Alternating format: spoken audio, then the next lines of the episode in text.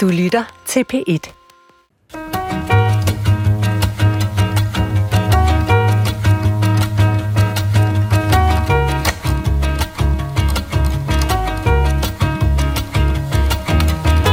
Har døden taget noget fra dig, så giv det tilbage.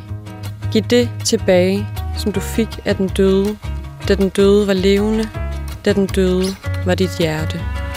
Alle forældre håber, at de aldrig kommer til at opleve deres barns død, men det sker for nogen, og hvilke ord og hvilket sprog kan bære sorgen over det tab, det taler vi om denne langfredag. Velkommen til. Og for at tale om sproget, om døden, tabet og sorgen, har jeg inviteret en forfatter, en øh, sorgforsker og en sprogforsker i studiet. Og forfatteren, det er jo altså dig, Naja Marie Eid. Velkommen til. Tusind tak. Naja, i den måned, vi lige er kommet ud af her, der var det jo altså seks år siden, at din søn Karl døde ved en ulykke. Ja. Og, og tre år efter hans død udgav du så, har døden taget noget fra dig, så giv det tilbage, Karls bog. Er det nemmere for dig i dag at tale om Karls død, end det var for seks år siden og for tre år siden?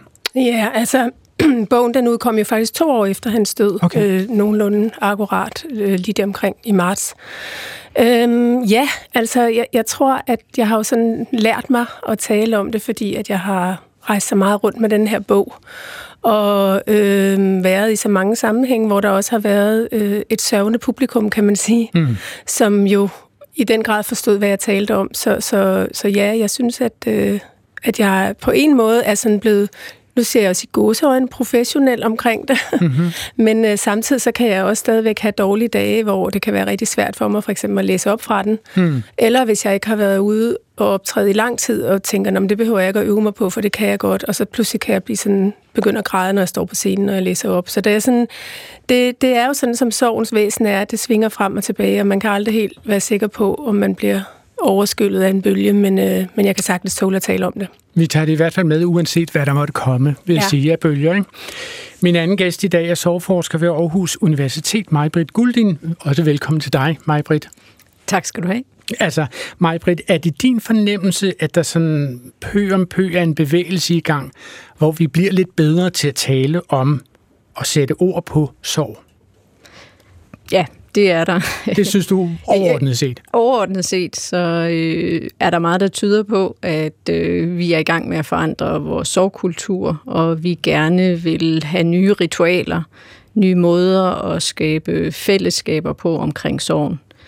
Øh, når det så er sagt, så vil jeg alligevel sige, det der med at være den enkelte person i sorg og stå med de voldsomme følelser, det giver, det vil til stadighed være en stor udfordring. Men, men hvorfor er det, du siger, at vi er, begang, er i gang med at ændre vores sovritualer? Hvad, hvorfor har der været behov for det?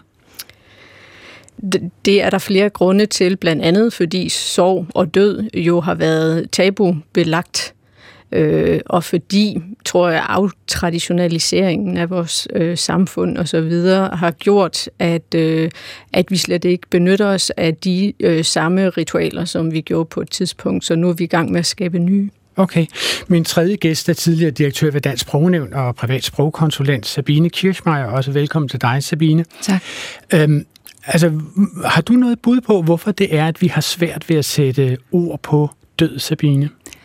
Jamen, det har jo noget at gøre med, at det er noget, vi ikke kender. Vi ved ikke, hvad det er. Vi kan godt se, at nogen forsvinder fra os, at nogen ligger der, men, men vi ved ikke, hvor vedkommende går hen. Øh, vi, vi, vi kan ikke forholde os til det. Det eneste, vi ved, det er, at vi nok også på et tidspunkt kommer derhen, men ikke før vi er der, så vil vi vide det. Øh, og det vil sige, at vi taler om noget ukendt, som vi, som vi ikke øh, har nogen som helst mulighed for at, at forholde os til. Og der bliver det svært. Men, men alligevel er der jo, øh, altså ordet død indgår jo mange steder i sproget, men måske bare ikke med den der direkte konnotation, altså når vi taler om at noget er død som et sild og så videre, mm. så er det jo ikke dødsfald i den sammenhæng, vi taler om det. Nej, døden er jo blevet en del af vores sprog på mange forskellige måder, og det, som du taler om, det er jo sådan noget forstærkende noget, som man bruger øh, på mange forskellige måder. Øh, det har jo været et vilkår for os altid, og, øh, men når man bruger det på den måde, som du nævner, så holder man det også ud sådan lidt i strakt arm, så kommer det ikke ind og rører ved ens følelser. Og mit navn er Adrian Hughes, og øh, vi går i dybden med alle disse her spørgsmål her i Klog på Sprog, som i dag handler om sovens sprog. Naja, Marie Eid, altså jeg vil gerne bede dig om at læse de første linjer op fra Karls bog. Altså det første, man møder, når man kommer ind i din bog. Ja. Jeg løfter mit glas og skåler med min ældste søn. Ovenpå sover hans gravide hustru og hans datter. Udenfor er martsnatten kold og klar. For livet, siger jeg, da glasene rammer hinanden med en sprød og fin lyd. Min mor siger noget til hunden. Så ringer telefonen. Vi tager den ikke. Hvem skulle ringe til os så sent en lørdag aften? Naja, det her er jo en meget stærk tekst, altså fordi det taler om, jeg vil sige, normalitet, øh, familieliv. Der er jo ovenikøbet noget fremsyn i det, altså øh, din ældste søn har en gravid hustru. Mm. Øhm, og så er vi jo nødt til at fortælle, hvad der sidenhen sker. Naja, altså hvad, hvad, hvad sker der for dig og for din familie de næste to døgn der i marts 2015? Ja, der sker det, at, øh, at telefonen jo altså ringer, og, øh, og det er øh, med beskeden om, at, øh, at Karl har været i en, en frygtelig ulykke. Øh, han er øh, påvirket af svampe, enten sprunget eller faldet ud af sit vindue fra fire sal. Og øh, alt bliver fuldstændig kaos. Øh, øh, altså den uvirkelighed, der opstår i det øjeblik der, det er, det er meget svært at beskrive. Det har jeg altså prøvet at gøre i den her bog. Men altså, vi, øh, jamen, vi, vi skynder os jo alle sammen ind på hospitalet og øh, er i fuldkommen choktilstand og, og bliver mødt først og fremmest med spørgsmålet om, hvorvidt vi er interesseret i at donere Karls organer. Fordi ellers så, altså det er den eneste grund til, at de så vil såkaldt holde ham i live, øh, indtil han kan erklæres hjernedød. Han ligger i respirator. Og det var meget brutalt, det der. Øh, det var midt om natten jo. Altså, jeg var hos mine forældre ude på landet, så det tog lidt tid at komme ind også. Og, øhm, ja, og der lå han jo så i respirator, og det var så lørdag, det var en lørdag aften det her, så øh, mandag aften slukkede de, eller blev han kørt ned til operation, og så slukkede de for respiratoren der, så han blev erklæret hjernedød om mandagen, og vi skulle ligesom vente på det.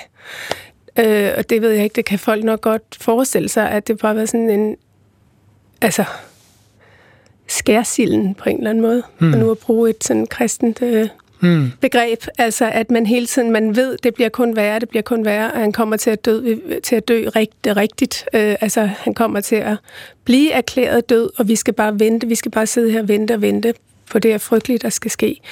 Der kommer ikke til at være nogen, øh, øh, nogen positive beskeder. Hmm. Og så der, de der, der, to der døgn, noget... de føltes som, som sådan cirka 200 år, vil jeg sige. Så det vil sige, op i dit hoved, så sker der også noget med din tidsoplevelse? Ja. Og hvad er det, der sker? Jamen, det tror jeg er meget almindeligt øh, for, for folk, der oplever stort chok, altså, og, og, og, og pludselig død blandt meget øh, nære øh, hvad hedder det? Pårørende og familiemedlemmer. Ja. ja. Øhm, og altså, der sker det på en eller anden måde, at tiden stanser og at man pludselig er sat uden for resten af samfundet. Så når man går på gaden, så øh, forstår man ikke, hvad, hvad tid på døgnet det på en måde er, men man forstår heller ikke, hvordan man har nogen som helst forbindelse til de andre mennesker, der går på gaden. Man går ligesom ind i sådan en boble. De, de er sådan set i en helt anden Helt anden verden, ja. ja. Okay. Altså man bliver med et revet ud af sin verden og ind i den her verden, hvor tiden på en måde stanser, og jeg har altid sådan tænkt på, at den stanser ligesom den stanser for den døde. Altså at på en eller anden måde ligger der sådan noget enormt solidarisk i det der, at man selv oplever det, som den døde oplever. Altså den stansede tid. Og samtidig så bliver man også fastholdt i sådan et evigt nu. Og værst af alt på en måde er, at man overhovedet ikke kan forestille sig nogen fremtid. Ja. Så, og man tør heller ikke gå tilbage til fortiden, fordi der er alle de smertelige minder om den, som er død. Så man er sådan fastlåst i det her lille rum, både tidsmæssigt og også i forhold til at være samfundsborger. Majbrit Guldin, er, er, er det her en almindelig måde, når jeg beskriver sin, sit chok? Ja, det er meget genkendeligt, synes jeg. Jeg arbejder jo ikke kun som sorgforsker, jeg er også psykolog øh, og taler med rigtig mange mennesker i sorg. Øh, Udover at Naja er rigtig god til at portrættere det og, og har et øh, fremragende billedsprog omkring det, så og mange virk, sproglige virkemidler omkring det, så øh, vil jeg sige, øh, det her det er præcis sådan, jeg oplever rigtig mange af psykologsamtalerne. Altså, er det ligefrem sådan, så du anbefaler Najas bog til nogle af de mennesker, du taler sammen med, fordi hun har øh, brugt nogle ord på det, eller et sprog om det? Øh, ja, i høj grad. Jeg tænker, det er... Og jeg hører også fra mange sørgende, at det er en kæmpe hjælp at kunne spejle sig i øh, ordene og i en, der er så god øh, til at portrættere det. Okay. Naja, der sker jo det i din bog, at, at det forløb, som du begyndte at beskrive med tekst fra begyndelsen af din bog, mm. det er jo faktisk en tekst i, i kursiv, som står for sig selv, som du vender tilbage til igen og igen i løbet af bogen. Ja. Og, og hvis ja. det var et stykke musik, så vil jeg kalde det en rondo. Mm. Altså jeg vil sige, det er jo at gennemarbejde et tema, tage det tilbage, udvikle det, videreudvikle det, eventuelt konkludere det. Mm. Øhm, altså, hvordan, hvordan fandt du overskuddet, hvis, det, hvis der er tale om det, til at komponere en bog om din søns død, som, som det, jeg vil kalde et stykke musik? Ja, altså punkt et, så er den overhovedet ikke skrevet i overskud, øh, tværtimod i dyb smerte jo. Mm. Øhm, og, og, og, og man kan sige, at selve den sådan litterære form, som jo ikke ligner så meget andet, øh, tror jeg. Jeg har i hvert fald aldrig set noget, der er på den måde. Øhm, den, den opstod i, i begyndelsen, fordi at jeg simpelthen ikke kunne skrive. Så jeg skrev sådan fire ord på en lille lap papir og to sætninger på en lille lap papir. Så efterhånden så havde jeg sådan forskellige bittesmå fragmenter af tekst. Okay, jeg skal måske lige sige, at hele den her tekst, du skriver mm. her, øh, det er jo de samme, det er øh, de to døgn kan man sige. Ja, nemlig, det, er simpelthen nemlig. det forløb ja, der, ja. Øh, som, som, du synes, som du siger er nærmest løsrevet fra tid. Det kan både være et punkt på en tidslinje, det kan også være 200 år. Altså det har ikke nogen, det har muligvis sin helt egen tid. Men det er det forløb, du vender ja. tilbage til. Ja. Og du siger, at du i virkeligheden bygger det op, altså lag på lag med i grove træk fire år ad gang. Nej, nej. Altså nu prøvede jeg bare lige at give sådan en overordnet beskrivelse ja. af bogens struktur, øh, som man kan forstå det. Altså den er jo sådan meget fragmenteret, hmm. øh, og det var sådan, det begyndte. Og efterhånden så begyndte jeg at skrive de her små lapper ind i min computer, og begyndte at, sætte, altså, at, at komponere dem, kan man sige, eller sætte dem sådan i forhold til hinanden og skrive lidt videre. Og, og på et tidspunkt ret tidligt i den proces, der skrev jeg det, jeg lige har læst op af det hmm. allerførste der. Og det blev begyndelsen på at skrive den her, som jeg kalder for chokteksten, altså som er løber som sådan et bånd gennem hele fortællingen, og er også det, der holder den oppe som sådan det fortløbende spor, kan du sige, der, som bevæger sig fremad øh, i, i fortløbende tid. Hvorimod alle de andre tekster hopper og springer i tid øh, tilbage til før Karl blev født, til efter han stod, til mens han, da han var barn. Og, og i øvrigt citerer en hel masse andre øh, øh, forfattere fra verdenslitteraturen, som har skrevet om, om sorg. Øhm, så så denne, den her choktekst, den er faktisk skrevet sådan, som den ligger i bogen. Altså, mm. jeg, jeg tror aldrig, jeg ville kunne have, skrive den, øh, øh, have skrevet den som, som en, i en lang køre. Det havde jeg simpelthen ikke haft... Øh, jeg, jeg tror, jeg blev sindssyg så. Så den kom altså til at komme i de her sådan drøb igennem fortællingen. Som Men... jo også gør, at der går noget tid, før man finder ud af, hvad der egentlig er sket med Karl. Så man kan sige, det er sådan jo et helt almindeligt litterært greb, ikke? at man skaber suspense. Altså, øh, altså det vil sige, at, at læseren ligesom skal blive, få lyst til at læse videre. Øh, mm. ikke? Men Majbrit Guldin, ligger der også noget naturligt i den måde at bearbejde et chok på, at man går tilbage til et chok og tager det op stykke for stykke og, og nærstuderer det i fragmenter, eller hvad? Lige præcis. Man prøver jo at skabe en sammenhængende historie, kan man sige. Et sammenhængende narrativ omkring, øh, hvad der er sket, for at kunne integrere det og vende sig til det. Og det tager faktisk rigtig, rigtig lang tid øh, for, for rigtig mange i sorg.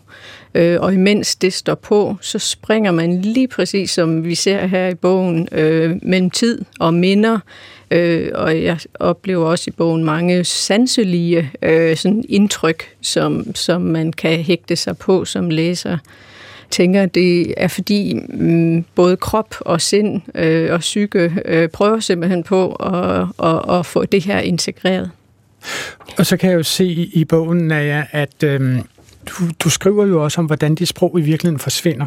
Altså, det er nærmest som om, øh, at man får indtryk af, at du næsten bliver stum, øh, i, i hvert fald skriftligt stum, mm. øh, et godt stykke tid ja. efter Karl. Ja. Altså, ja. hvor lang tid går der egentlig, før du overhovedet kan sætte, om man så må sige, pen til papir? Mm. Men jeg tror, jeg skrev, eller det ved jeg, jeg skrev det allerførste ni måneder efter hans død, faktisk ret øh, præcist. Og det er jo egentlig sjovt at tænke på, eller sjovt og sjovt. Altså det her... Øh, øh, det er egentlig her, jeg vil lave anførselstegn ja. ved sjovt, ja. men altså, øh, at det er jo præcis en graviditet, de her ni måneder, ikke? Okay. Altså fra hans død, ikke, til, jeg, til jeg skrev den første sådan tekst, der hang sammen lidt lille tekst. Ikke? Ja. Jeg vil bare lige knytte en kommentar til, til det, Majbrit siger, fordi at, det tænker jeg nemlig også på, da jeg skrev den her choktekst, altså at, at jeg havde jo de her forfærdelige flashes, som, som mange har, der har været ude for noget dramatisk og, og har, har oplevet et dødsfald, hvor du bliver hjemsøgt af de her frygtelige billeder igen og igen og igen og igen. Og der var en krisepsykolog inde på Rigshospitalet, øh, hvor Karl jo lå, øh, som sagde, at vi skulle, være, vi skulle være faktisk glade for de her backflashes, fordi at det var det, der helbredte vores hjerner.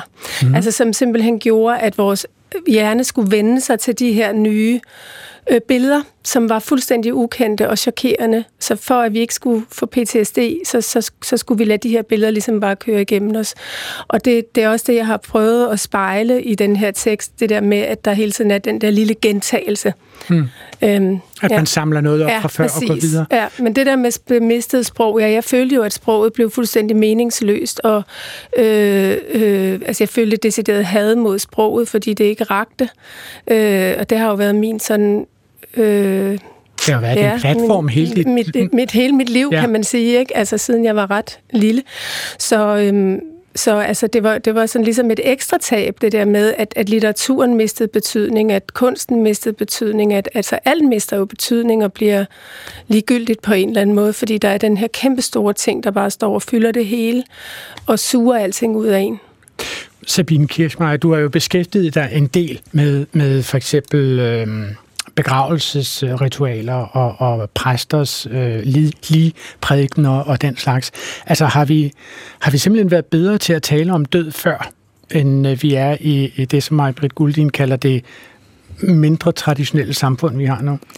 Altså der har man jo haft religionen som en, en meget stor støtte, øh, hvis man kan kalde det det, at, øh, at man, man ligesom havde den her tro på, at øh, der var noget på den anden side af, af døden, og at, øh, at det i virkeligheden ikke var det her liv her, øh, på jorden, der var det vigtige, at kroppen ikke havde nogen betydning, det var sjælen, og det handlede om at komme over på den anden side. Øh, altså man havde faktisk ja. en meget mere konkret forestilling ja. om døden, altså den ja. var ikke så abstrakt, den var, det var et bestemt liv, man gik ind til. Altså i, øh, i middelalderen, der havde man jo ikke den der opfattelse af, at man var et individ, der var man en del af en flok og en del af en cyklus, og det vil sige, at ens død var en del af noget, som skete ganske naturligt, men var en del af naturen.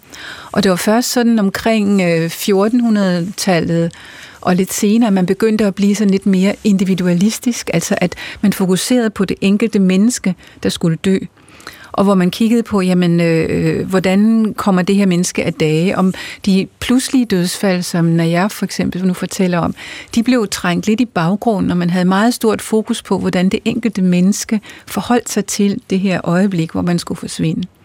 Og man havde nogle forestillinger om, at djævlen og, og Jesus, de stod på hver side af den døende og trak i sjælen og prøvede at, at trække afsted med sjælen hver især. Øhm, og det, det, det gjorde jo, at man øhm, satsede meget på at, at øh, befale sin sjæl til Gud, at tænke på Gud, at øh, bekende sin tro i det øjeblik. Og det håbede man så på at kunne hjælpe en igennem øh, situationen som den døende. Mm. Men man tænkte ikke på, den dø, på de efterladte særlig meget. Det kom først i 1700-tallet. Hvis vi lige går tilbage til det sprog, nu har jeg lagt mærke til, at du et par gange her i udsendelsen at jeg har, har uh, brugt citationstegn. Mm. Du har mm. simpelthen taget dine hænder og lavet ja. citationstegn om forskellige ting, du går og siger. Ja. Og det forstod jeg, at, at det har du også gjort lige i umiddelbar forlængelse af Karls død. Ja. Hvad, hvad er det med de citationstegn i dit, uh, dit chokerede sprog? Ja, altså det var noget, der opstod uh, blandt alle os, som var, var Karls... Uh pårørende og nærmeste og venner, hans øh, unge venner også. Ikke? Og, øhm, og det var simpelthen det der med, at fordi at, at sproget var blevet meningsløst, så hvis man skulle spørge en, har du det godt for eksempel, så, så gav det ingen mening. Så kunne man sige, har du det i gåseøjne godt? Altså det vil sige, i forhold til situationen, har du det så ok? Øh, hvis man skulle sige, skal vi gå en tur, så ville det også være gå i gåseøjne, fordi vi kunne næsten ikke gå. Altså det sidder jo også i kroppen som man næsten ikke kan slæbe sig afsted. Så, så, så, det, det, blev, det, så det, det lyder blev, for mig som om, at, at hele sproget er faktisk fuldstændig splindret. Altså det, ja. det står simpelthen, det kører hen ad svillerne. Ja, altså det, det er det jo slet det. ikke et sprog, man kan bruge i sin regulære, genkendelige form. Nej, slet ikke. Og på en eller anden måde, så gav det total mening for os med de der citationstegn, plus at det faktisk også bragte noget morskab ind i den groteske situation, fordi det var så vanvittigt. Altså, hvis man siger for eksempel, har du i gåsetegn det godt, ikke? så er det også fordi, at duet også er, er opløst på en eller anden måde. Ikke? Altså, altså det vil sige faktisk, jeget er opløst, og ja. man er blevet til den her, det her fællesskab, faktisk den her, den her gruppe, som lever på den her øde ø. Øhm. Majbrit, hvad, hvad siger du til det? Altså har du nogensinde hørt om det fænomen før, at, at sproget bliver fuldstændig, altså er så afsporet? Ja, jeg hører øh, i hvert fald mange både nævne det her med, at ord er, bliver så fattige. Øh, de kan ikke rigtig udtrykke det, der er inde i en, øh, og det giver en afstand til, til andre, som kan være meget pinefuld. Øh, og så øh, den her, som jeg i hvert fald forstår, både bogen og også det, øh, der bliver sagt nu, sådan en slags jegløshed, fordi øh, sproget er jo altid forankret i os selv øh, og vores tanker og følelser osv., Øh, men jeg synes, det bliver meget tydeligt, øh, når man læser bogen, at jeg er jo også lidt i opløsning her. Hmm. Der, der er øh, vanvittig spring i tid, og der er sådan, så er der sanseindtryk. Men der er ikke særlig meget øh, sammenhæng, i hvert fald i starten, i det, når jeg kalder for øh, chok tilstanden. Øh, og så er der også tidspunkter, hvor, hvor øh, ja, så klipper der lige pludselig til et minde, eller jeg, jeg synes, det, det, vi er jo vant til at, at tage udgangspunkt i os selv, når, og, og nogle, en eller anden form for sammenhæng, når vi taler. Og det er meget tydeligt, at det sker ikke her. Men, men hvordan anbefaler du mig, Britt, øh, familier at kommunikere med hinanden om det her? Er der, er der et sprog, man kan bruge med hinanden? Altså den, den tætteste kreds omkring den afdøde? Øhm, altså, det, det, man leder jo efter sproget øh, igen, så det er jo noget af det, vi arbejder på, at, at finde øh, sit sprog øh, og langsomt finde sig selv øh, i en ny, helt anderledes situation. Og det kan man måske ikke sige noget bestemt om. Altså man kan ikke give nogle, nogle klare retningslinjer øh, fra den ene familie til den anden, eller hvad? Nej, jeg, jeg vil sige, øh, øh, blandt andet i psykologsamtalerne handler det jo om at øve sig, uden ja. at noget bestemt skal ske. Uh, når jeg nu fortalte Sabine Kirschmeier lige her før om, om, om det her med, hvor, hvor relativt, og nu siger jeg så Gud hjælpe mig også øh, i anførselstegn, nemt. Øh, hvis man kan støtte sig til den kristne tro, mm. så har man jo ligesom en, en plan at køre efter. Ikke? Det, det er Guds plan faktisk. Herren jo. har bestemt, at det bliver sådan, og så er der ikke ja. så meget at diskutere. Og det var jo ikke, går jeg ud fra, en mulighed for dig og for Karl og for din familie, vel? Nej. Øhm, altså det er jo faktisk, jeg tænkte på, da Sabine fortalte om det, at det gælder jo faktisk de fleste kulturer, man har. Altså så ikke en kristen tro, men en anden tro. Øh, og, at, og det er jo egentlig det samme princip, at alle tror, der er noget på den anden side. Vi skal hjælpe den, den, øh, den døende over på den anden side. Den døende skal gøre en masse ting for at kunne komme over på den anden side. Og i mange kulturer har man så også haft øh, øh en, en hel masse ritualer for de efterladte, som også tit har noget at gøre med at bringe den døde sikkert i havn på en eller anden måde i, mm. i den nye verden.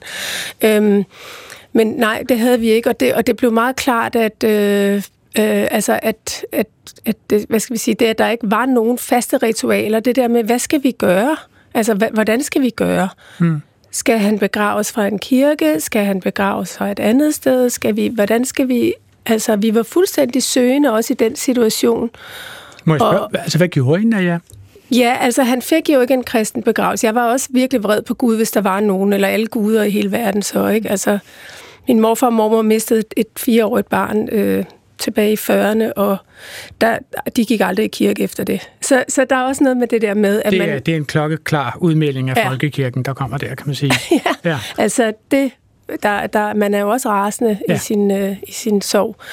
Nej, vi lavede vores egne ritualer, og det blev faktisk rigtig smukt, så vi talte for ham, øh, forskellige familiemedlemmer og, og venner, og øh, spillede noget af den musik, han holdt af, og noget, vi selv havde valgt, og øh, ja, og så blev han så øh, kistebegravet, fordi det havde han faktisk givet udtryk for, at han ville ved en anden lejlighed i en helt anden sammenhæng, hvor vi snakker om noget med hans morfars død.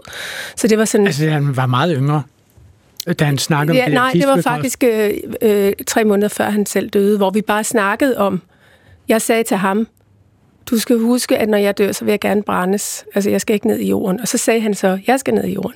Okay. Og så sagde jeg, jamen det kommer jeg heldigvis aldrig til at være med til. Ja, ikke? præcis. Og så pludselig, men på en eller anden måde, så kan man sige, at jeg var ret, altså, og igen i kæmpe gåsøjne glad for, at jeg vidste, at han gerne ville kiste begraves, fordi du står med alle de her spørgsmål. Hvad skal vi gøre? Hvad vil han have synes? Og så videre. Ikke? Altså, et godt eksempel er, at vi havde sådan en, en kvindelig øh, bededame, som foreslog os, at vi kunne give ham gaver med i kisten.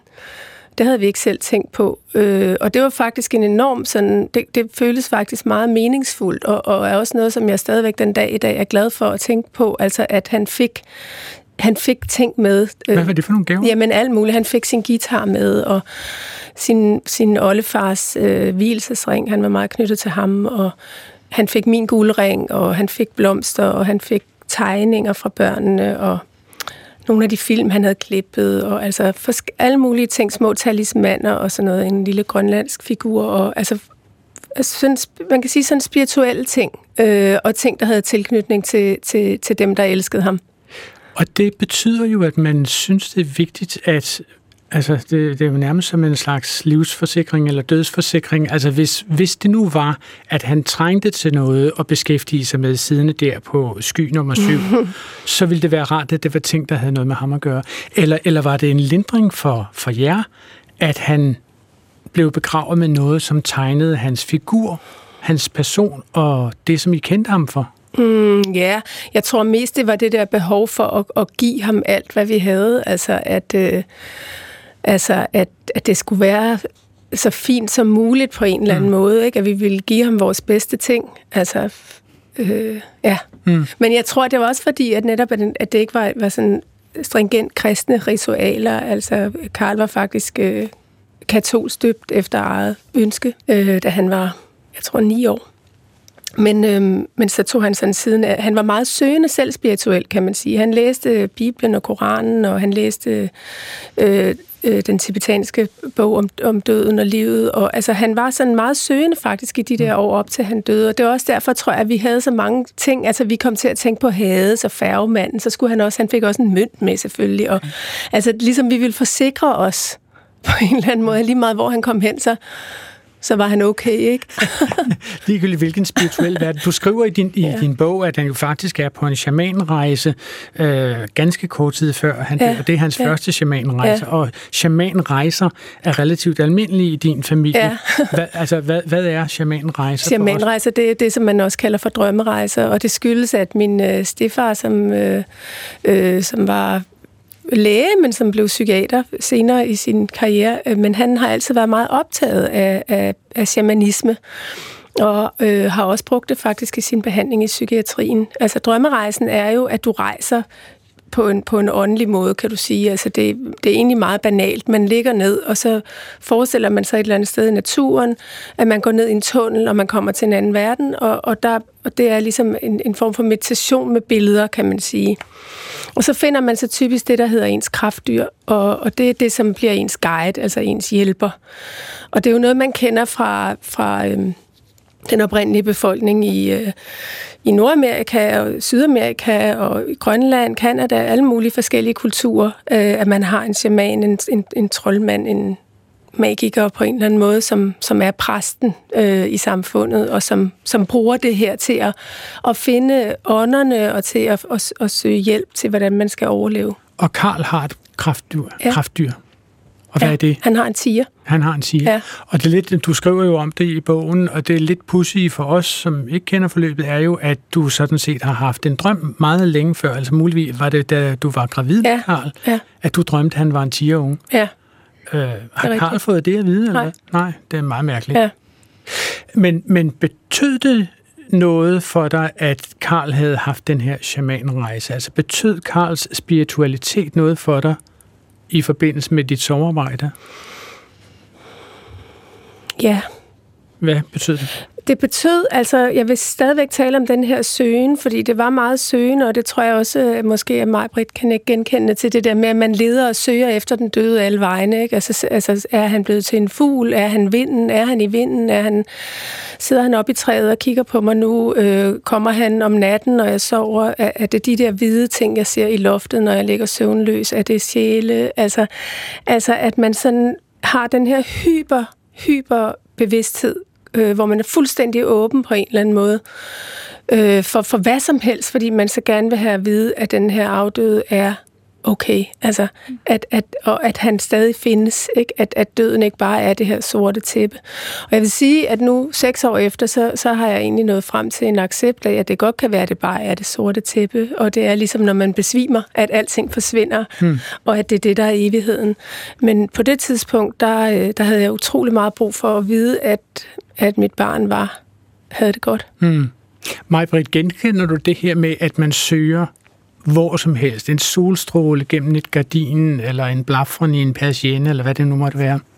Øh, ja, rigtig meget. Øh, og jeg hører jo mange historier fra, fra sørgende om, øh, hvordan man øh, øh, ja, ser afdøde eller oplever afdøde i forskellige øh, ting. Øh, og det, øh, jeg, jeg tror da også, øh, der er noget helt sanseligt i det, eller noget kognitivt i det, at man tænker på, på afdøde hele tiden. Så det er svært ikke at, at se eller forstå øh, er, ham Er det din erfaring, at de forestillinger også giver en smule trøst?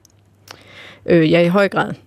Øh, bestemt. Øh, at det, ja, det er trøstende, og det er en måde at integrere det på, øh, fortid og fremtid, eller øh, lave øh, det der øh, spring fra at vende sig øh, til, at, at vedkommende ikke er her længere. Naja. Ja, jeg, jeg tænker på, at jeg synes, du har ret, mig, Britt, men også det her med, at man på en eller anden måde skal Øh, skal den her, altså den her transformation fra at have været et levende menneske til at blive en død, og til på en eller anden måde at vende tilbage til familien, eller vende tilbage til, til de efterladtes liv, at der, der skal der, der skal de, de efterladte ligesom foretage den her transformation af den afdøde, sådan så at, at han eller hun kan, kan vende tilbage og blive en del af fællesskabet igen på en ny måde. Og det er sådan meget, jeg opfatter nu, ikke? Altså, at jeg, sådan kan, jeg har sådan trænet mig i at kunne sådan kalde på Karls tilstedeværelse, mm-hmm. øh, så jeg kan have ham ved siden af mig, når jeg har brug for det. Og det er, det er, har, altså, det er en utrolig øh, dejlig ting. Mm. Sabine Kirchmeier, altså hvis vi kigger på den kristne, den kristne, de, de kristne ritualer, vi har haft, og sådan set stadigvæk har, måske langsomt svindende, altså øh, genkender du noget i Najas families ritualer fra de kristne ritualer? Altså har de været støttende eller, eller trøstende på samme måde? Øhm, Altså, Najas ritualer, de, de minder jo mere om, om andre kulturer, end, end lige præcis den kristne kultur. Man men, kan sige, men kan de grundlæggende det samme? Det er vist nok det, jeg spørger Ja, altså, øh, det kan de jo godt, fordi det er jo stadigvæk det her med at skabe en forestilling om, at der er et liv efter døden, og at den, at den døde er okay. Om det så er fordi, at man ved, at han kommer i himlen, fordi han har været et troende menneske, eller øh, fordi at man, man kan se, at øh, for eksempel de tekster, der bliver skrevet om ham, de prædikner, der bliver holdt, der bliver der beskrevet, hvordan hans liv har været, og på det tidspunkt har man gjort meget ud af også at fortælle, at vedkommende har været et godt menneske eller en god kristen, og, og derfor så er det nok gået godt. Men man skal heller ikke se bort fra, at kirken har jo brugt den magt, man har haft over øh, folks dødsangst, at man har kunnet bruge den til også at få dem til at gå i den rigtige retning. Så der har samtidig, især i middelalderen og i 16, 17, 1700-tallet, ligget det her krav om, at du skal også være en god kristen og komme samme vej hen, for ellers så kan du altså risikere at, at komme det forkerte sted hen. Ikke? Så der er sådan en, en form for pres fra, fra, fra kirken samtidig, som jeg ikke synes er så trøstende. Jeg kommer i tanke om, at øh, øh, Paul Ørum, øh, forfatteren Paul Ørum, han faktisk skrev for en del år siden, da han mistede sin øh, ægtefælle, øh, noget i retningen af, at jeg prøver at indfange hende i alt, jeg ser eller gør. Øh, og så ender han med at skrive, den virkelige genopstandelse for mig, det blev, da øh, jeg havde en oplevelse af at have hende med mig hele tiden. Mm-hmm. Mm. Og det er det, du beskriver, du samtidig ja. kan fremmane, ja. ja. ja. Okay. Men, men man kan sige, efter det her ritual med at begrave øh, Karl, så er det jo, det, det vil nogle jo ligesom opfatte på klimaks på sovebearbejdelsen, og nu er han så død og begravet, og så er den ligesom, så er der lagt låg på der, ikke? Og det er vel ja. først der, at det rigtige hårde ja. arbejde ja. begynder. Det, det, det, er, det er frygteligt, det der. Altså man kan sige, frem til begravelsen, der får man som regel som sørgende utrolig meget opmærksomhed fra alle mulige, og folk vil gerne hjælpe en, og folk kommer med mad, og hvilket er jo dejligt, at man bliver borget igennem de der, den der, ja, det er jo som regel kun en uge eller 14 dage max, som jo bare føles som utrolig lang tid. Og så er begravelsen ligesom det sidste, man kan gøre for den døde. Og der kommer jo en enorm øh, depression efter der. Ikke? Altså, man har ligesom arbejdet sig op. Man skal gennemføre det her. Man skal gøre det her så smukt som muligt. Man lægger alle sine kræfter i, det bliver rigtigt. Og så bum, så er det slut. Og så forsvinder øh, mange, mange af de mennesker øh, også, som har, har stået ved siden af en. Typisk. Altså, at det, det, det er først efter begravelsen, at det bliver rigtig, rigtig svært. Fordi som Majbet også siger, det er jo en årlang proces. Og i hvert fald det første år, der har man det jo altså fuldstændig miserabelt forfærdeligt. Men, men kunne der være ritualer, der kunne træde i stedet for altså mere fysisk ritualer, eller et eller andet at gøre, som kunne hjælpe med det samarbejde? Ja, altså jeg har jo tit, som jeg også skriver i bogen, øh, været misundelig på tidligere tider, hvor man netop havde sørgebind eller gik i sort det første år, fordi jeg kan jo se, at det også har sådan en helt kognitiv funktion, at hvis man for eksempel bliver tvunget til at gå i sort tøj et helt år, så begynder man jo også at længes virkelig efter at tage noget grønt på, mm-hmm. på et eller andet tidspunkt, og det vil sige, at så, så glæder man sig pludselig til at sørge sørgetiden er overstået. Ikke? Så der har jo ligget sådan helt praktisk, altså i de her ritualer, øh, ja, hvis du har et sørgebind på, alle folk kan se, at du er sørgende, og derfor behandler de dig måske en lille smule anderledes, og er måske lidt mere forsigtige og, og, og milde over for dig øh, ude på, på gadeplan. Sabine? Jamen, det, var, det slog mig, da jeg læste øh, nogle passager i din bog, at, at du ligesom også øh, selv prøver at bearbejde sorgen med dit sprog. Altså, der er noget messende over den måde, du skriver på. Der er en, en, en, en rytme og en gentagelse i det, som, som minder mig om nogle af de ting, man også gør, når man er i sorg. Det her med, at man gentager den samme sætning, eller man udvikler den samme sætning flere gange.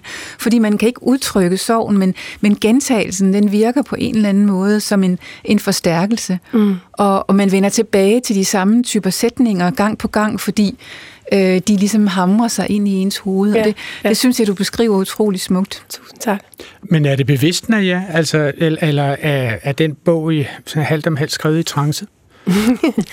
ja, det er den jo egentlig. Altså, den er jo i hvert fald øh, skrevet fra, man kan sige, sådan det yderste sted, men også skrevet af en person, som ikke vidste, hvem hun selv var. Altså, det der, den der, det der frygtelige tab af identitet, der også ligger i det. Altså, at man, man, også, at man bare ved, at man er blevet til en anden, men man ved ikke, hvem man er blevet til endnu. Så det er jo sådan... Hvad skal vi sige? Altså, jeg oplever det jo meget egentlig i bogen som en form for stykke, et stykke musik, altså, mm. hvor man sådan...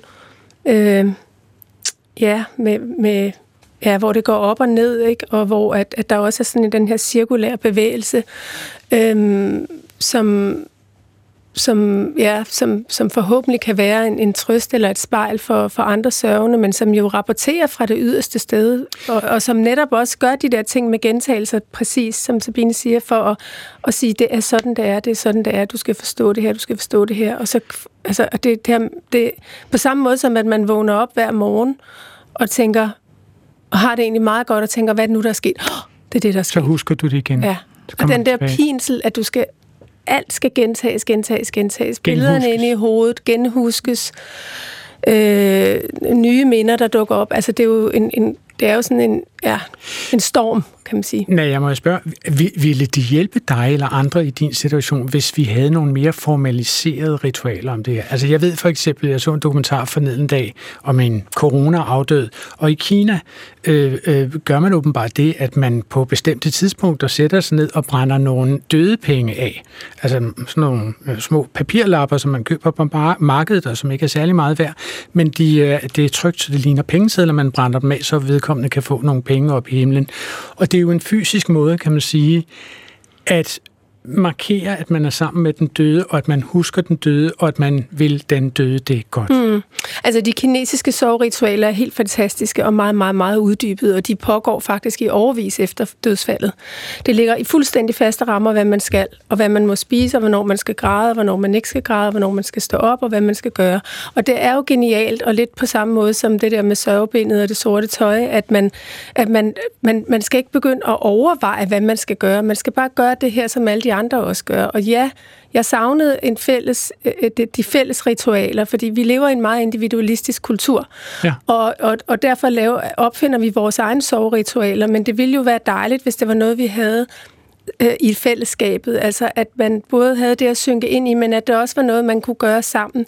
Øh, som, som, altså nu er jeg jo meget ude på kirkegården for eksempel, ikke? Altså, mm. at, at, at der kan jeg jo se, at alle folk, de laver, gør deres egne ting, at der er også et eller andet rart i, at det, det er også en del af fællesskabet. Døden er også en del af fællesskabet. Sabine? Jo, det har man jo også i den kristne tro og i kirken, at man har døderingning, man har øh, begravelsesritualet, og man har jo også muligheden for i virkeligheden at vende tilbage via kirken til de her ting. Øh, det, som man, det oplevede især omkring de... Øh, de ritualer, man havde i middelalderen, det var til gengæld også sådan noget med, at det kunne gå hen og blive en spændetrøje for den enkelte. Ikke? Altså det, at der var bestemte ritualer for, hvordan man skulle øh, begå sig, når man skulle til at dø og berede sig til at dø, det var nogle gange også for meget, fordi ens følelser måske ikke passede ind i, i det her ritual. Så det er jo både ja, og, kan man sige. Ikke? Man savner det på den ene side, og på den anden side, så kan det gå hen og blive en, et problem. Ikke?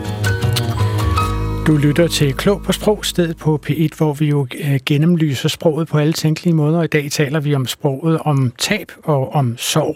Og jeg har besøg af Naja Marie Eid og af sorgforsker øh, Maj-Brit Guldin og af sprogforsker øh, Sabine Kirchmeier. Og Naja, altså, øh, at, at Karls bog, den bog, du har skrevet om din søns død, så fremgår, og din reaktion på din søns død, så fremgår det jo, at du har kigget nærmest hele Karls liv igennem fra start til mål for at finde spor, som peger frem mod den begivenhed, som hans ulykke jo er. Og øh, kunne jeg ikke bede dig om fra din bog at læse det tvillingedigt op, som du skrev, da Karl var 16 år gammel, så vidt jeg husker? Jo. Og det er jo så det digt, som også giver titel til bogen, der mm. hedder Har døden taget noget fra dig, så giv det tilbage. Har døden taget noget fra dig, så giv det tilbage. Giv det tilbage, som du fik af den døde, da den døde var levende, da den døde var dit hjerte. Giv det tilbage til en rose, et kontinent, en vinterdag, en dreng, der ser dig an fra hættens mørke. Har døden taget noget fra dig, så giv det tilbage.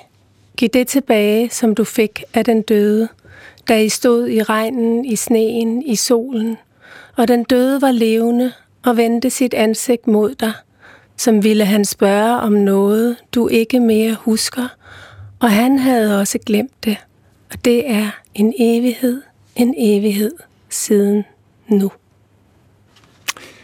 Og det digt skrev du med Karl i tankerne. Det er jo, det er jo Karl, som ser dig an fra hættens mørke. Ja, ja det er jo sådan meget almindeligt, at man sådan, når man skriver poesi, hvor man på mange måder også befinder sig i sådan en form for trance, øh, som, hvor man har adgang til en hel masse, lidt på samme måde måske, som når man er sådan nysørgende, øh, at man er en særlig spirituel sted. Øh, og der, der, på det tidspunkt, ja, da jeg skrev den digtsamling, som digtet indgår i, der var Karl øh, teenager og gik rundt med sådan en hættetrøje og var ligesom rundt omkring mig. Og, og man kan godt opleve, at nogen ligesom rækker en digtene, eller man har nogle muser. Altså, at der er et eller andet sådan sansligt, der strømmer fra nogen til en, øh, som, som gør, at, at digtene for eksempel øh, driver i en bestemt retning. Og, og i det her tilfælde, så tænker jeg helt klart på Karl. Ikke på, at han skulle dø, men, men han var ligesom i min bevidsthed, øh, da jeg skrev de her, de her to digte. Men der sker vel det, at du begynder også, når du gennemgår Karls liv, så leder du også efter spor, som ja. Dødsmærker ham ja, på en eller anden ja, måde. Ja, ja, jo.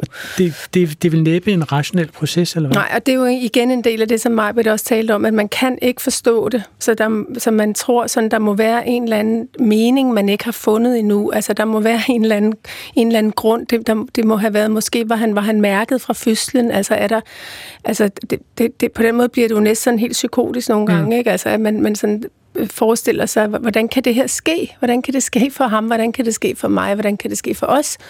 Øh, har han altid søgt døden? Altså, øh, og så videre, ikke? Men du opsøger faktisk, kan man læse i bogen, en healer, som på et mm. tidspunkt altså tilbyder en forklaring. Øh, jeg ved ikke, hvorfor vedkommende... Eller vedkommende får jo altså, hedder det, den information, at Karls øh, sjæl har været øh, født mindst to gange før, og at, at Karls sjæl havde en vane med at forlade os, når han syntes, når den sjæl syntes, at den havde passet sit arbejde og gjort, hvad den sjæl skulle her på jorden, hvilken går videre. Ja. Så Karl havde simpelthen, sagde healeren, en vane med at dø tidligt. Mm. Og det er jo så tanken om reinkarnation, og, og, og som hun så repræsenterede, ikke? og hvor hun sagde, altså på en eller anden måde var der også en eller anden trøst i det for mig, fordi hun, jeg kan huske, at hun sagde, at, at det var egentlig utroligt, han havde givet at komme tilbage en gang til, fordi han var sådan set færdig med, med, med menneskelivet, altså, men at han var kommet for, fordi han åbenbart gerne ville være hos os. Ja. Og så er det klart, så tænker man, ej, hvor var det dejligt, at han gad at vi fik ham 25 år. Ja. Vi fik ham 25 år, ikke? Men på en eller anden måde gav det mig også en eller anden fortrøstning om at sige sådan, ja, altså ikke at jeg nødvendigvis troede på noget af alt det her, som jeg opsøgte, men det, alle de der forklaringer, som man ligesom kan stykke, have med sig som sådan en overfrakke, der kan beskytte en en lille smule. Øh, det der med, jamen okay, så han har prøvet det før, og han, han er, altså igen, han er okay, ikke? Altså. Maj-Britt Guldin, har, har du erfaring for, at andre kan bruge sådan noget? Altså, der, er, der er jo mange forklaringer her, og de kan nødvendigvis ikke alle sammen passe samtidig, kan man sige. Øh, men, men, men kan det støtte folk? Kan det, kan det lindre folk i deres sovearbejde? Og få sådan noget at vide, for eksempel, jamen, du skal ikke være ked af det, du skal, vi skal bare glæde os over, at han var her i 25 år. Øh, ja, ja. Øh, og det er derfor, mange opsøger det. Det, det for nogen lindrer det, og for nogen der bliver det meget forstyrrende, jeg sige, hvis de får noget at vide, der ikke øh, lige passer ind. Eller, mm. øh, så, så det vil selvfølgelig være forskelligt. Og, og, og det der med at lede efter øh, en sammenhæng eller en, en mening i det, ikke med det, men i det, øh, eller få det på plads på en måde, så man selv kan leve med det, det øh, er i hvert fald min erfaring, og også øh, det, øh, vi kan se i vores øh, undersøgelser, at det kæmper øh, stort set alle med. Men man kan sige, at ja, du, du fluktuerer jo også både hen imod healeren og væk fra healeren. På et tidspunkt går du jo også i sådan et slags caps mm. lock, mm. rampant ja. mode, hvor du simpelthen raser imod healeren ja. og imod Gud og imod ja. alle andre. Ja. Altså, det er sådan noget, ja. jeg spytter på healing, jeg tror ikke på noget tidligere liv og det hele. Du spytter også på dit eget sprog, og mm. du tager afstand fra alt, kan mm. man sige. En af de kanaler, som du opsøger, det er jo sådan set hele behandlersproget omkring Karl.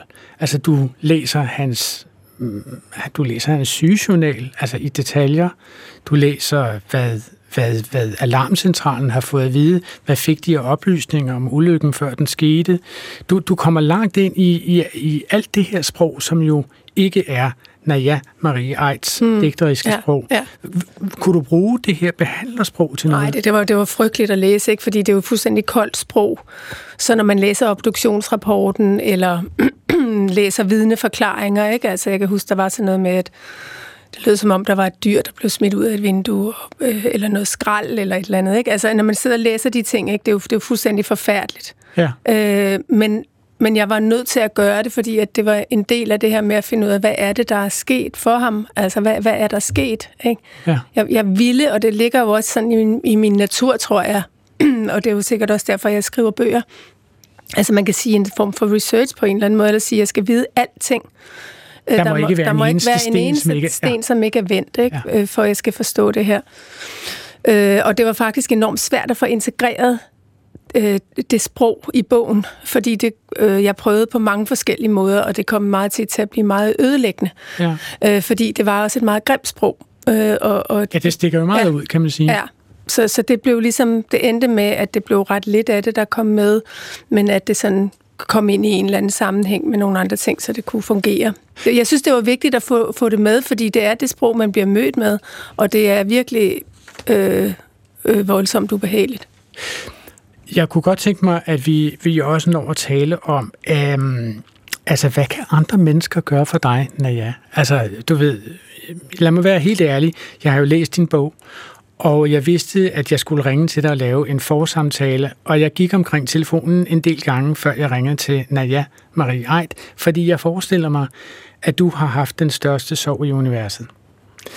Øh, den kan jeg jo ikke gå i dialog med, om jeg så må sige. Altså, jeg vil aldrig, jeg vil ikke kunne forestille mig, at jeg kunne sige noget til dig, som på nogen måde kunne afspejle, at jeg forstår, hvad du har været igennem, andet end at jeg har læst din bog.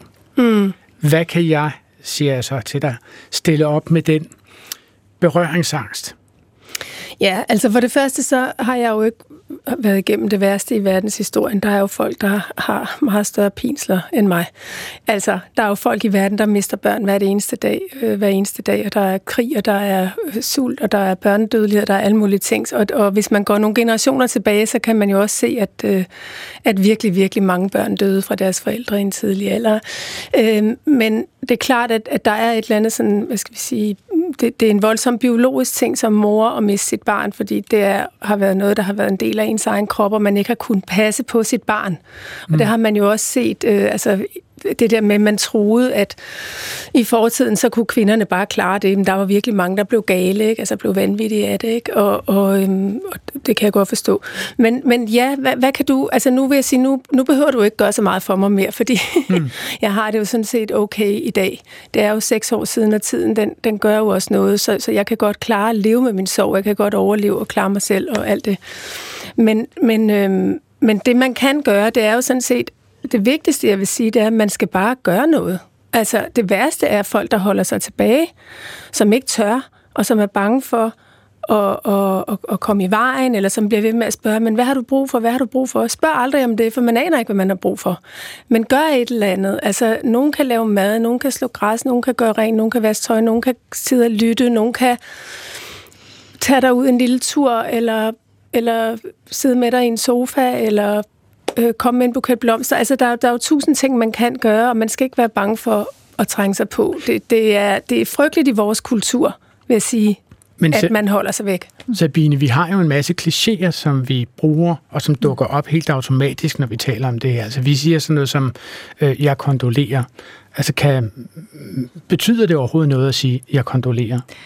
Det er jo en, også en, en form for ritual, hvor man prøver at tilkendegive, at man føler med den person, der, der har sorgen. Men, men det er jo et, et fattigt udtryk, fordi det netop er sådan meget skematiseret øh, og ritualiseret udtryk.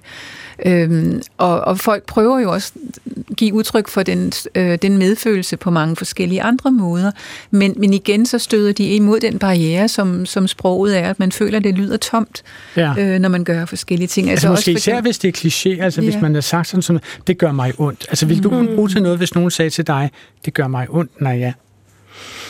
Mm, ja, selvfølgelig, fordi det er dog et udtryk. Altså, jeg har selv tænkt over, hvad jeg selv skal sige til andre sørgende. Nu har jeg jo mødt en del, øh, også via bogen.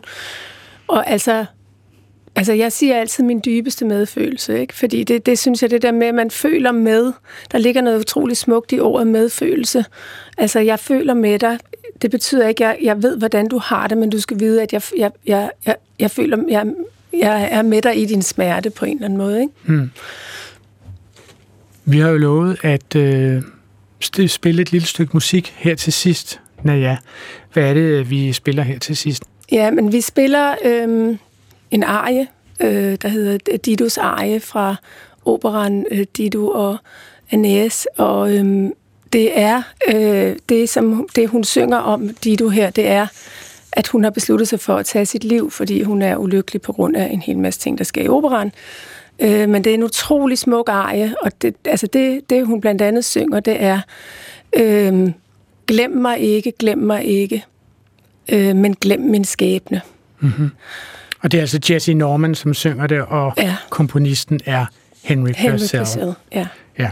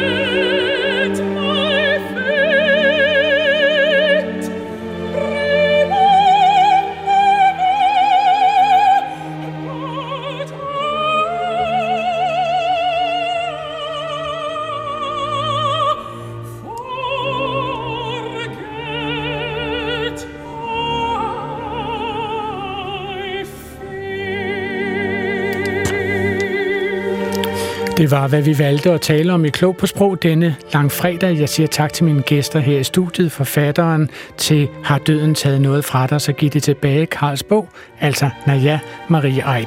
Jeg siger også tak til sovforsker ved Aarhus Universitet, Majbrit Guldin, og til sprogkonsulent Sabine Kirschmeier. Udsendelsen her er tilrettelagt af Svala Sigfusar, Dottirte og Line Fabricius, som også stod for teknikken og præsenteret af mig, Adrian Hughes. Vi bliver glade, når I sender spørgsmål og kommentarer på mail til klog på sprog, snablag dr.dk. Denne udsendelse kan som alle andre P1-programmer findes i vores app DR Lyd.